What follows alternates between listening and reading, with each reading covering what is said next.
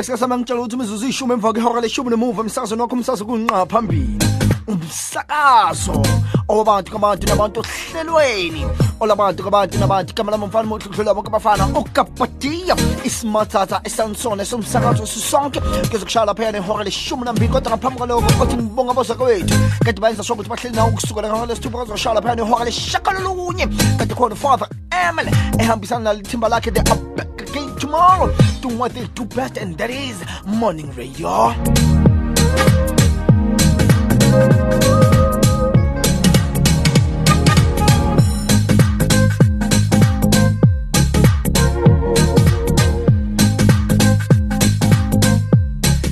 Makushanje ihora um leshakalolunye kade khona francis i-jesuit institute oyibeke laphayana ehoreni leshumi emsakazweni wakho umsakazo kunqa phambili uthe ngehora leshumi um waba khona-ke ubani sister mary uyibeke laphayana ehoreni leshumi nemuva kilabuyile ahleleli yena-ke umark mahoni ongakwazi ngokufinyelela namhlanje sisonke kuzokushaya laphayana ihora eleshumi nambili khona la emsakazweni wakho umsakazo kunqa phambili kilabune ulwesine evikini gijima nayo sihamba nayo soze siyibeke laphayana umshila phekeza azoyithatha yena ibeke laphayana ehoreni lokuqala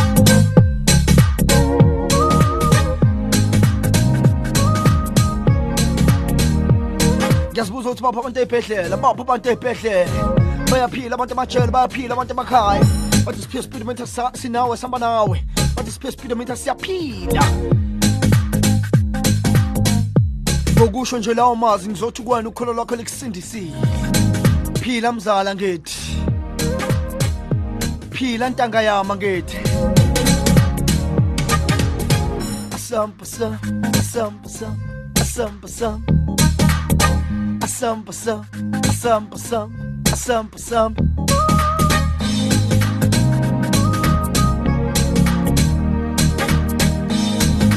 kuyababona bakisiphiwe speedometer iyavela ngala bakisiphiwe speedometer yaduma radio. Ngiyakubona wena semgaqweni drive safely and do not forget to treat those robots that are not working as a four-way stops. Hala! Ngitsho wena. Ela ela ela ela ela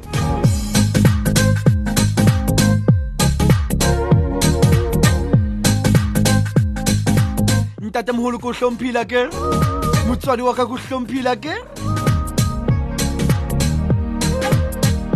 0115271115 mhlawumbe usanda kuvulela wona nomsakazo asibuza ukuthi lo msakazo ubizwa ngani radio veritas 576 ayama www radio veritas co za channel 8720 dstv bouquet papa kanti ngisha ngibukhoma ngise east rand. Idinville to be precise kulapho ngigijima khona nayo. Kulapho engidonsa ngakhona Alikati boronu mametu loko Eastern Dumel ajde Limpopo Dumel ajde Gauteng Sobona phe Welcome Tani amadoda Bolweni bo Bari Free State le rona rimame ba re free state le rona re mametse ka ba utla ka mo lesotho ba re ee bona le rona re memetse re tsamaya le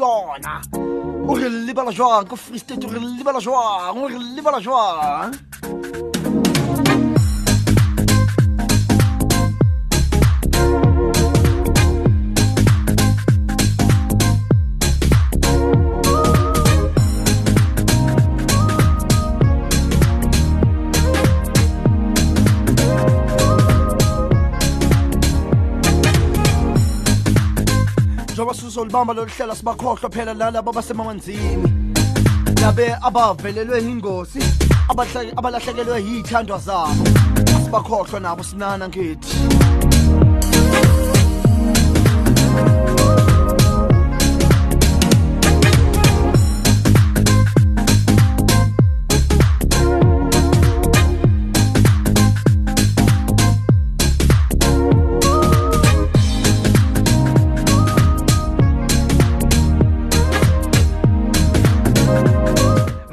tswaletswe matlhoko a nephio speedometla ke mathale ona ke na le wena?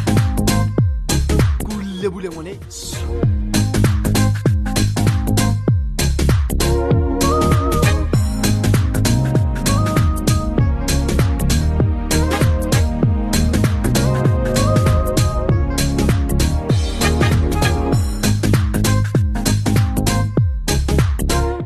mhlawumbe uphethe ibhayibheli lakho ngisacela ungiphuthumela laphayana proverbs 23 to 23 awuzweke awuzweke. Proverbs 23 to 23 23 to 23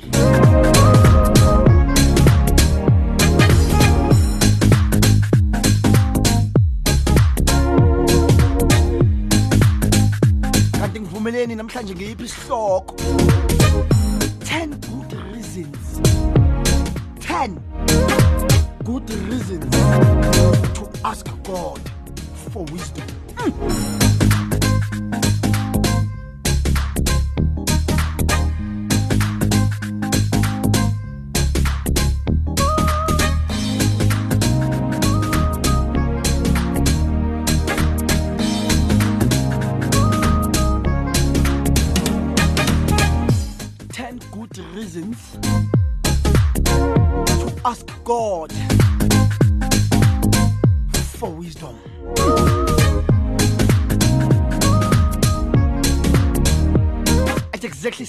minutes after the hour 11 o'clock.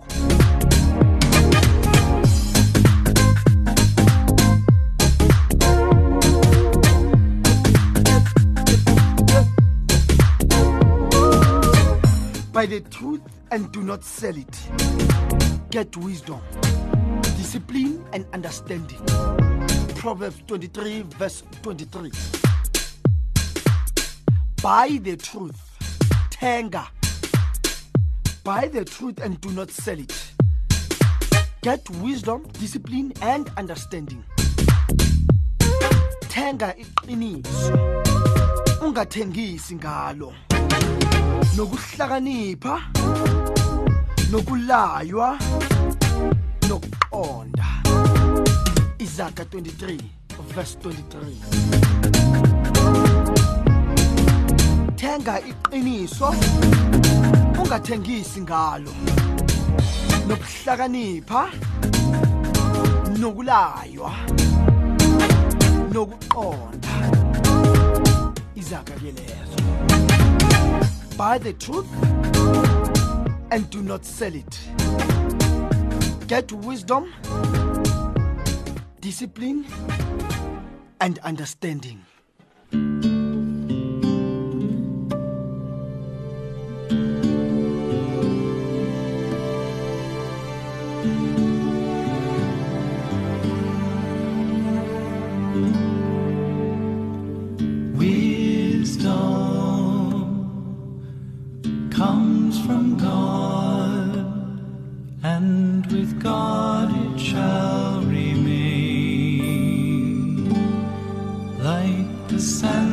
Seashore, or the drops of the rain, or the days of eternity.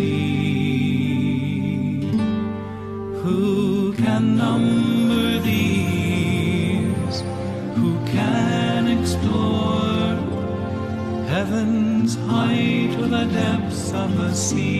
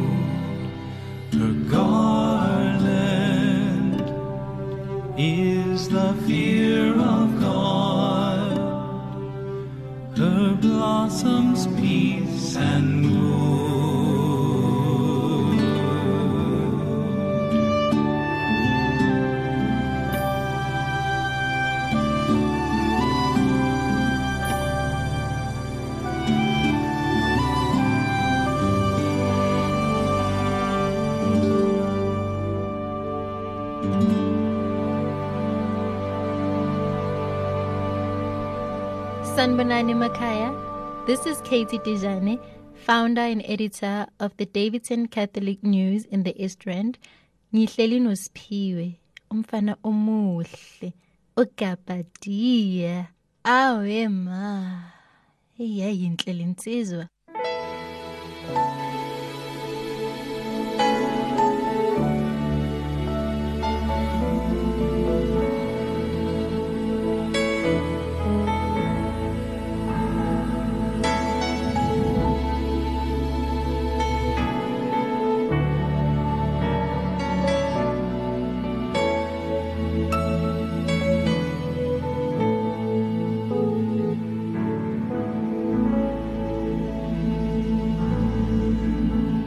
It's exactly 21 minutes after the hour 11 o'clock khona la umsakazo wakho umsakazo kunqa phambili.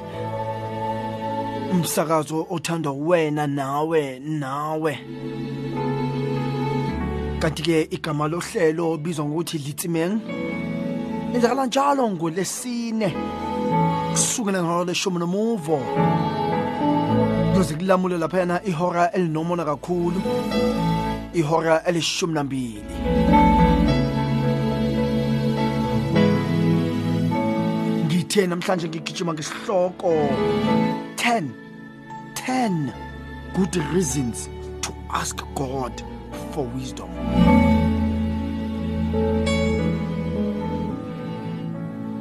Sondela nepeni lakho. Sondela nepheshana lakho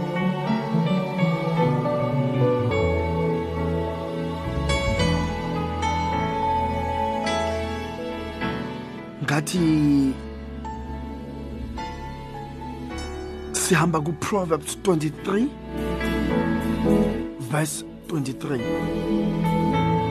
thenga iqiniso ungathengisi ngalo noku- nokuhlakanipha nokulaywa nokuqonda. Buy the truth and do not sell it. Get wisdom discipline and understanding.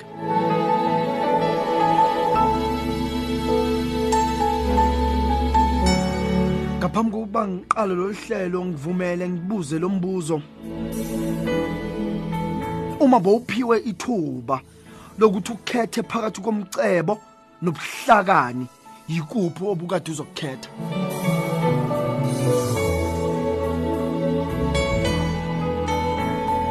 If you were given if you were given a choice to choose between wealth and wisdom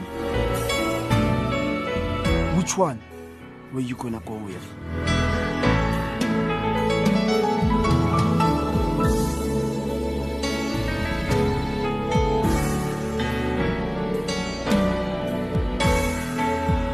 I know most of us.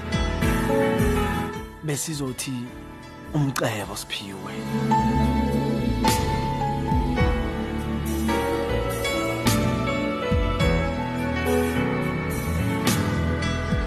iBhayibheli akukho lapho lisithembisa khona ukuthi umcebo wemali uzosilethela injabulo kodwa izwi lihlale lisikhumbuza ukuthi njalo kumele sicele ukuhlakanipha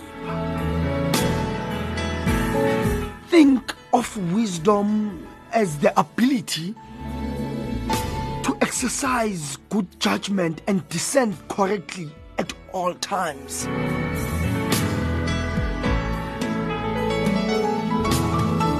Awucabanga ukuthi that would be wonderful to have that ability? Ngithi kuwena think of wisdom as the ability to exercise good judgment and discern correctly at all times.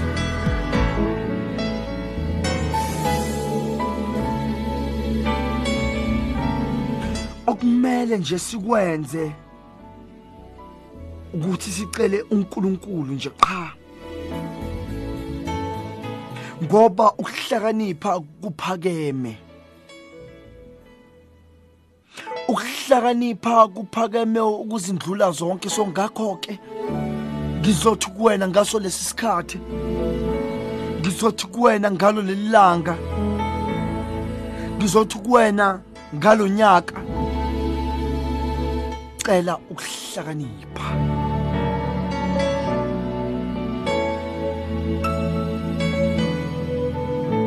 When you pray to the almighty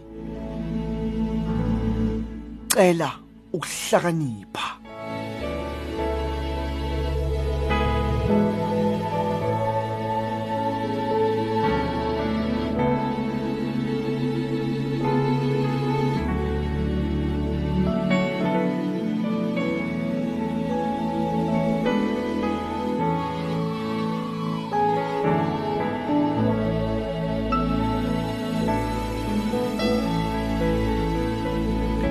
nazo ke izizathu eziyishumi ezizokwenza ukuthi njalo uma ukhuleka ucele ukuhlakanipha kubaba.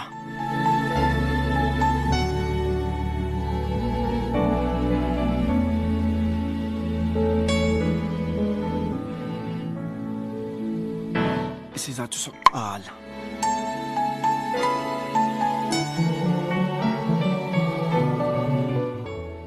Yikhona uzoba nempilo ende.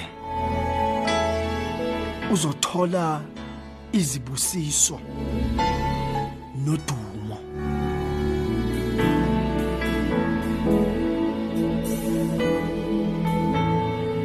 Yikhona uzoba nempilo ende uzothola izibusiso kanye nodumo.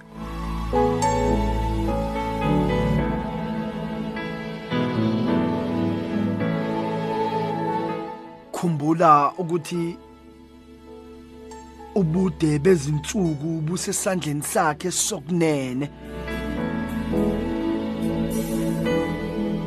Kanti kwesokunxele kukhona ingcebo nodumo. Akusho mina. Proverbs chapter 3 verse 16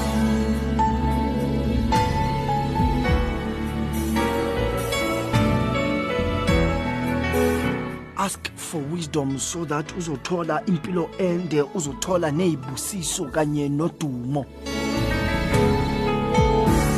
Ngoba ubude bezinsuku busesandleni sakhe sokunene. Kanti kwesokunxele kukhona umcebo nodumo. Proverbs chapter 3 verse 16 isizathu sesibili. Enjoy. Enjoy vitality nenjabulo and happiness. Because lo that vitality and happiness kungu- kungumuthi wokuphila. Kwabakubambayo nababambelele kukho bayabusiswa.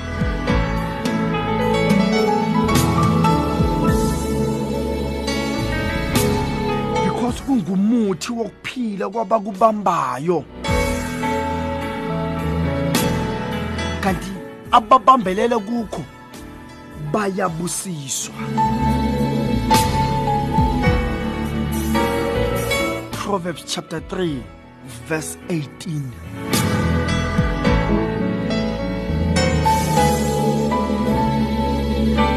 Proverbs chapter 3 verse 18 kanti eyesithathu. Ukuphila impilo enokuthula kanti futhi emnandi. A peaceful life and a good one at that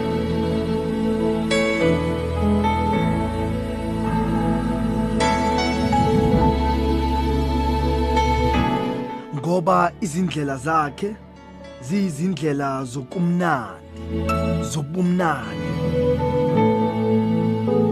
Kanti yonke imikhondo yakhe ingukuthula.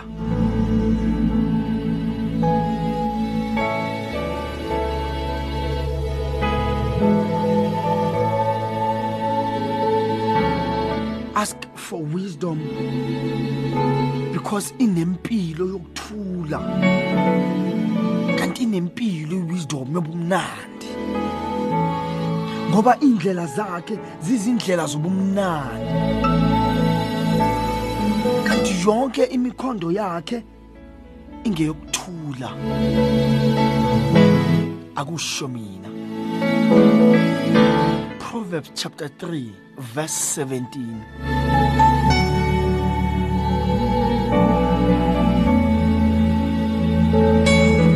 Proverbs chapter 3 verse 17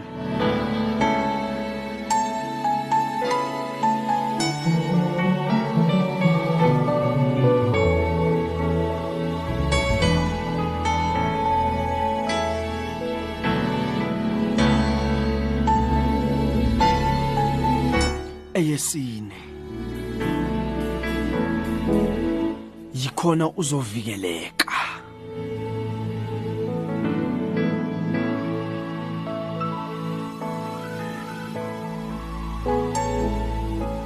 uma uvikelekile uhamba indlela yakho ngokulondeka kanti futhi nonyawo lwakho aqhuluzi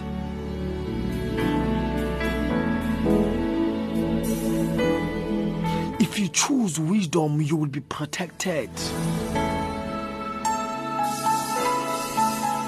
Kanti nendlela uzoyihamba izoba indlela izoba indlela yokulondeka. Unyawo lwakho angeke laqhuluza nakanye.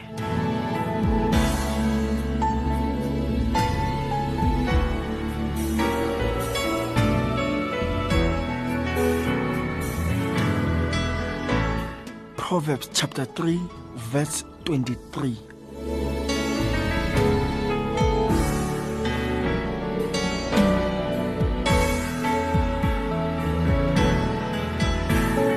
Proverbs chapter 3 verse 23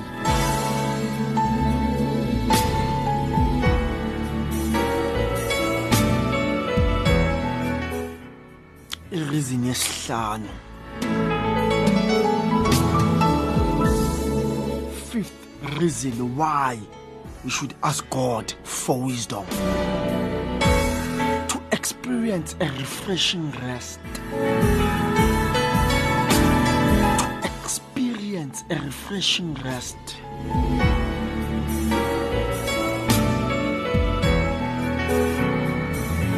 Ngoba lapho ulala phansi lapho ulala phansi awuyi kwesaba. nanxa usulele phansi ubuthongo bakho buya kuba mnandi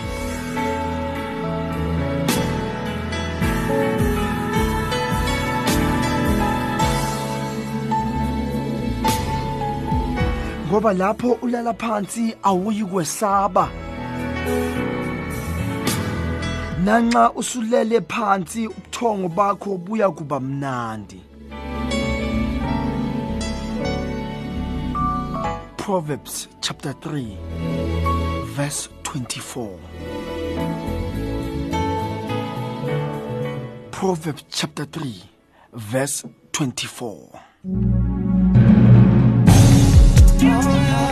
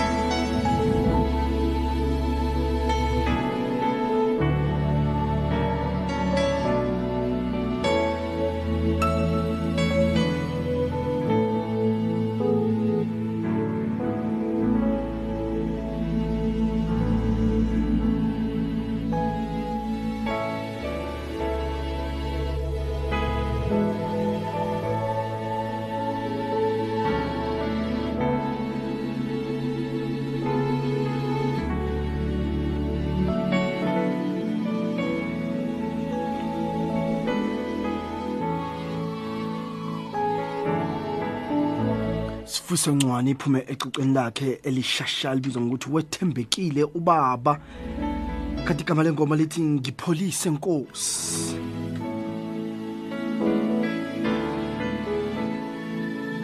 Sixth reason why you should ask god for wisdom. To gain confidence. To gain confidence because uJehova uyakuba ithemba lakho agcine unyawo lwakho ukuba lungabhajwa.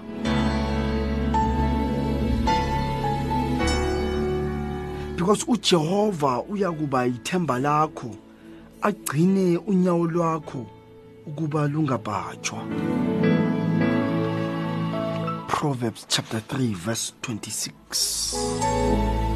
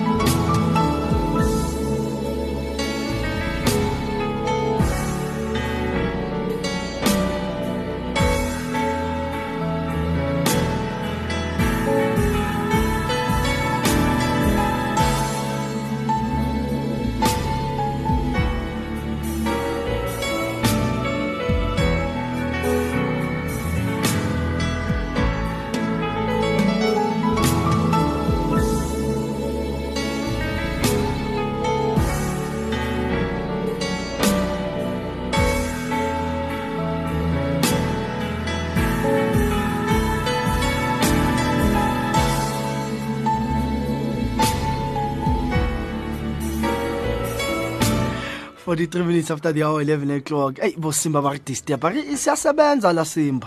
Siyasebenza kanti ke eyesikhombisa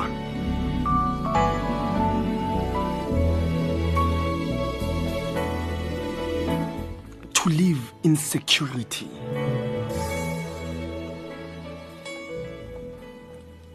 To live in security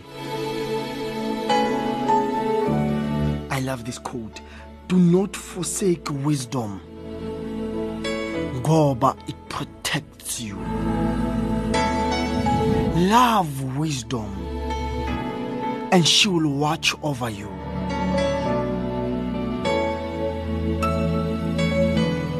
Do not forsake wisdom ngoba izokuvikela. Love wisdom and she will watch over you. Ekhambeni kwakho isinyathelo asikuvinjelwa. Nasekugijimeni kwakho awuyikukhubeka ekuhambeni kwakho isinyathelo asikuvinjelwa. Nasekugijimeni kwakho awuyikukhubeka Proverbs chapter 4 verse 12 Proverbs chapter 4 verse 12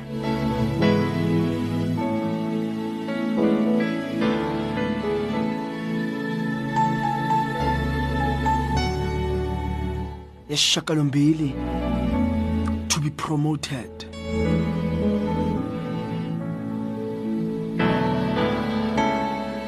Seek wisdom so that you can be promoted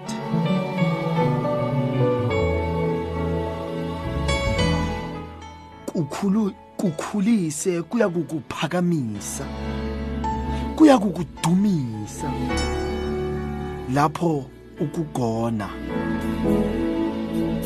kukhulise kuya kukuphakamisa kuya kukudumisa futhi lapho ukugona.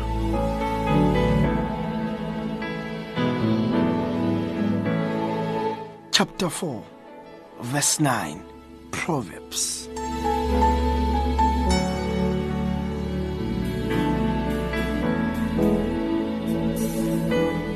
Eshakalunye to be saved from evil.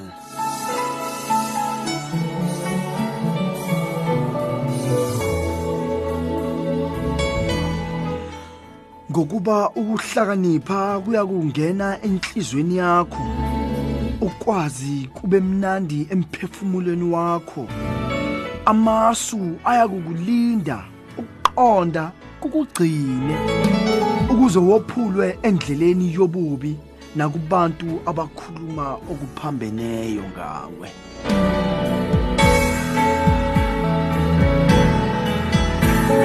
Ask for wisdom so that you can be saved from evil.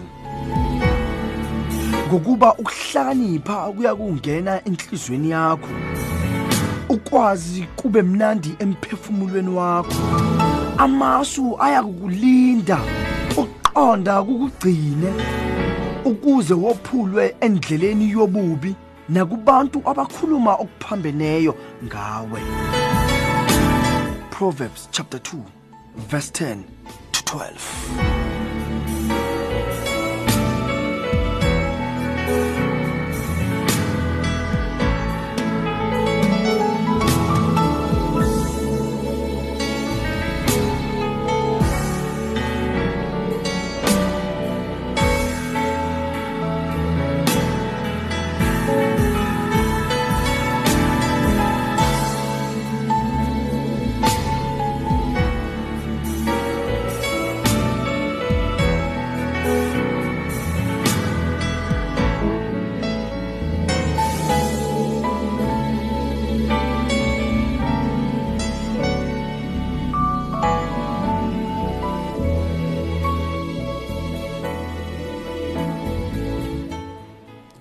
tenth reason why you should seek for wisdom to be guided in the way you should go.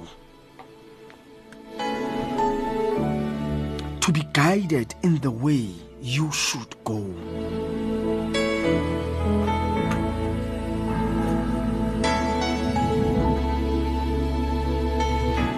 Ukuze ohlakaniphileyo ezwe aqhubeke ekufundeni.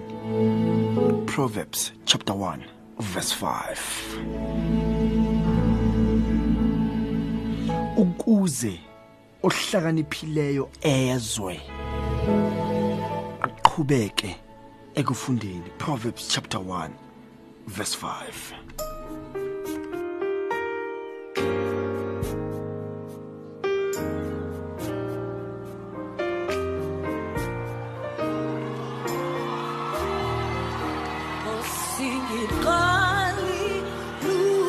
Beautiful sounds of joyous celebration. Joyous celebration 19 ngobekezela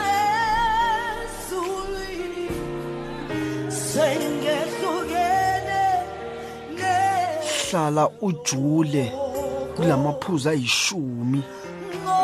Wacela ukuhlakanipha.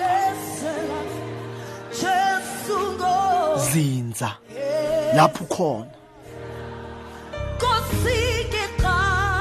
Forget about the next person right now. Forget about lo muntu osendlini manje. Forget. Talk to yourself now. Talk to your god. Forget about your colleague right now. Yes you're listening. Useofisini forget about them. Just talk to yourself and talk to your god. and pray for god to give you wisdom semsakazweni sawubona Mm, wala kapetia. kunjani mfowethu Ngikhona ngiyaphila. saphila mfoka baba Ayisho. Ayimpothi sabonga amazwi amnandi. kubonga Eh. thina kubonga thina ngikhuluma nobani kuphi Joseph. ah joseph joseph joseph joseph kothema Yeah. siyabonga mfoka baba siyabonga Eh, okay. Tota Basapati sure baba before phuma na ngicela ungidelela ingoma ethi katsheni ulenas kufa pilo yaka mari. Ke tla ikenya ntate ke tla ikenya ntate thank you for it okay sure.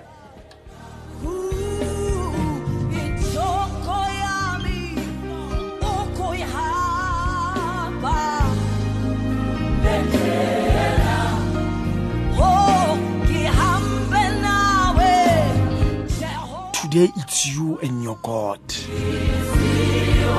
Forget about your kids.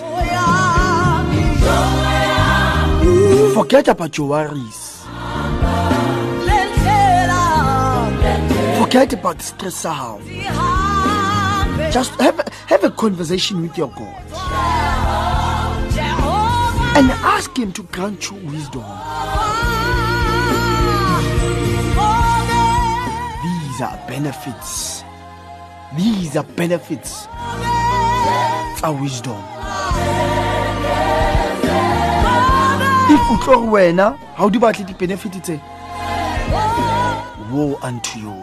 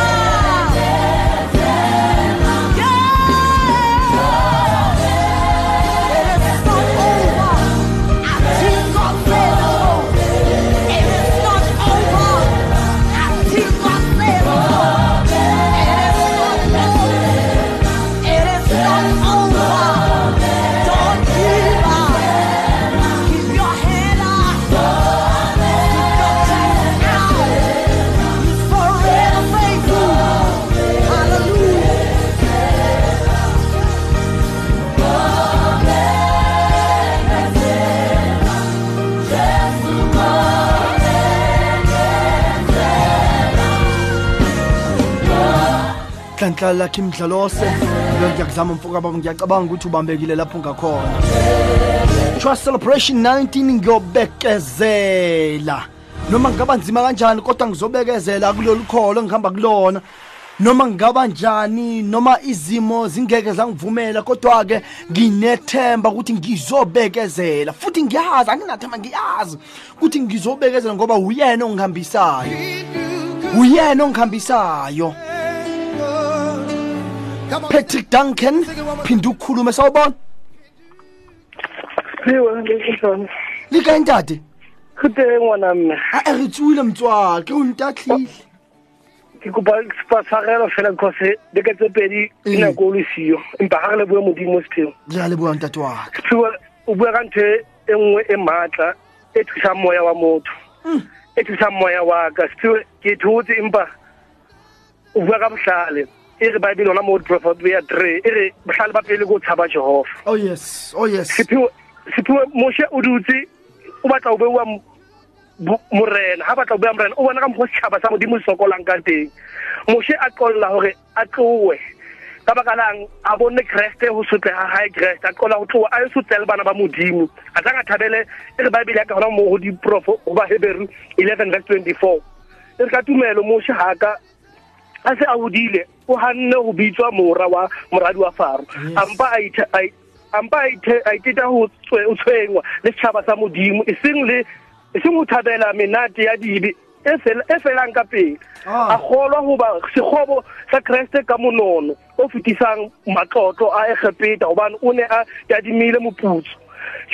Ha o bua jwa sephiwe e- ha o bala lengwe la- first corinthians three verse 18 to lona e re bohlanya ba lefatshe lena ke ntho- bohla- bohlale ba lefatshe lena ke bohlanya ho modimo sepheo bohlale ba modimo sepheo ke ithoba le ikokobetsa le lerato sepheo le bohlale ba modimo. E re baebele ho- ho ho jakobo motho a hloka bohlale a bo kope ho modimo modimo o tla mo bohlale. Yes. sepheo ke a leboha modimo a o etse hantle a o ekeletso sepheo o amen motswadi wa ka modimo ke yona Mm, re o leboa gole motswadi wa ka.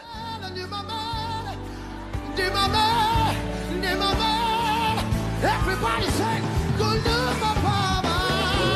sengiyaphuthuma ngiyaphathuma ngenye indlela sawubona Phiwe kunjani baba? siyaphila mzali Ngiyaphila mntanami wakhuluma amazwi amnandi. oh yes Ngithi ngale ngale ngoma le uqede kuyikhalisa lethi ngiyobekezela. Ngizobekezela sezibomvu zonke izinto Yes. sezingibhodabho. yes Kodwa ngizobekezela. bekezela mzali Mntanami uzawuphuma kule ndawo yasidela. yes Abuye ekhaya. uzobuya Ngegama nje likaJesu nokuhlakaniphi. awu yes mzali Kankulunkulu. wami. siyakubonga mzali wami Ngiyabonga. unkulunkulu akwenze kahle nto uyabuya iba nethemba wena ngiyabonga baba ngiyi-sixteen yecourt lokuthi bababheka babambheka ukuthi sobaze kube nenkaziso izoba khona mzali Yabonga. wami sizokubeka emkhulekweni siyabonga mzali ngiyabonga You have come tonight to hear the voice of God. You've come tonight to receive from the Lord.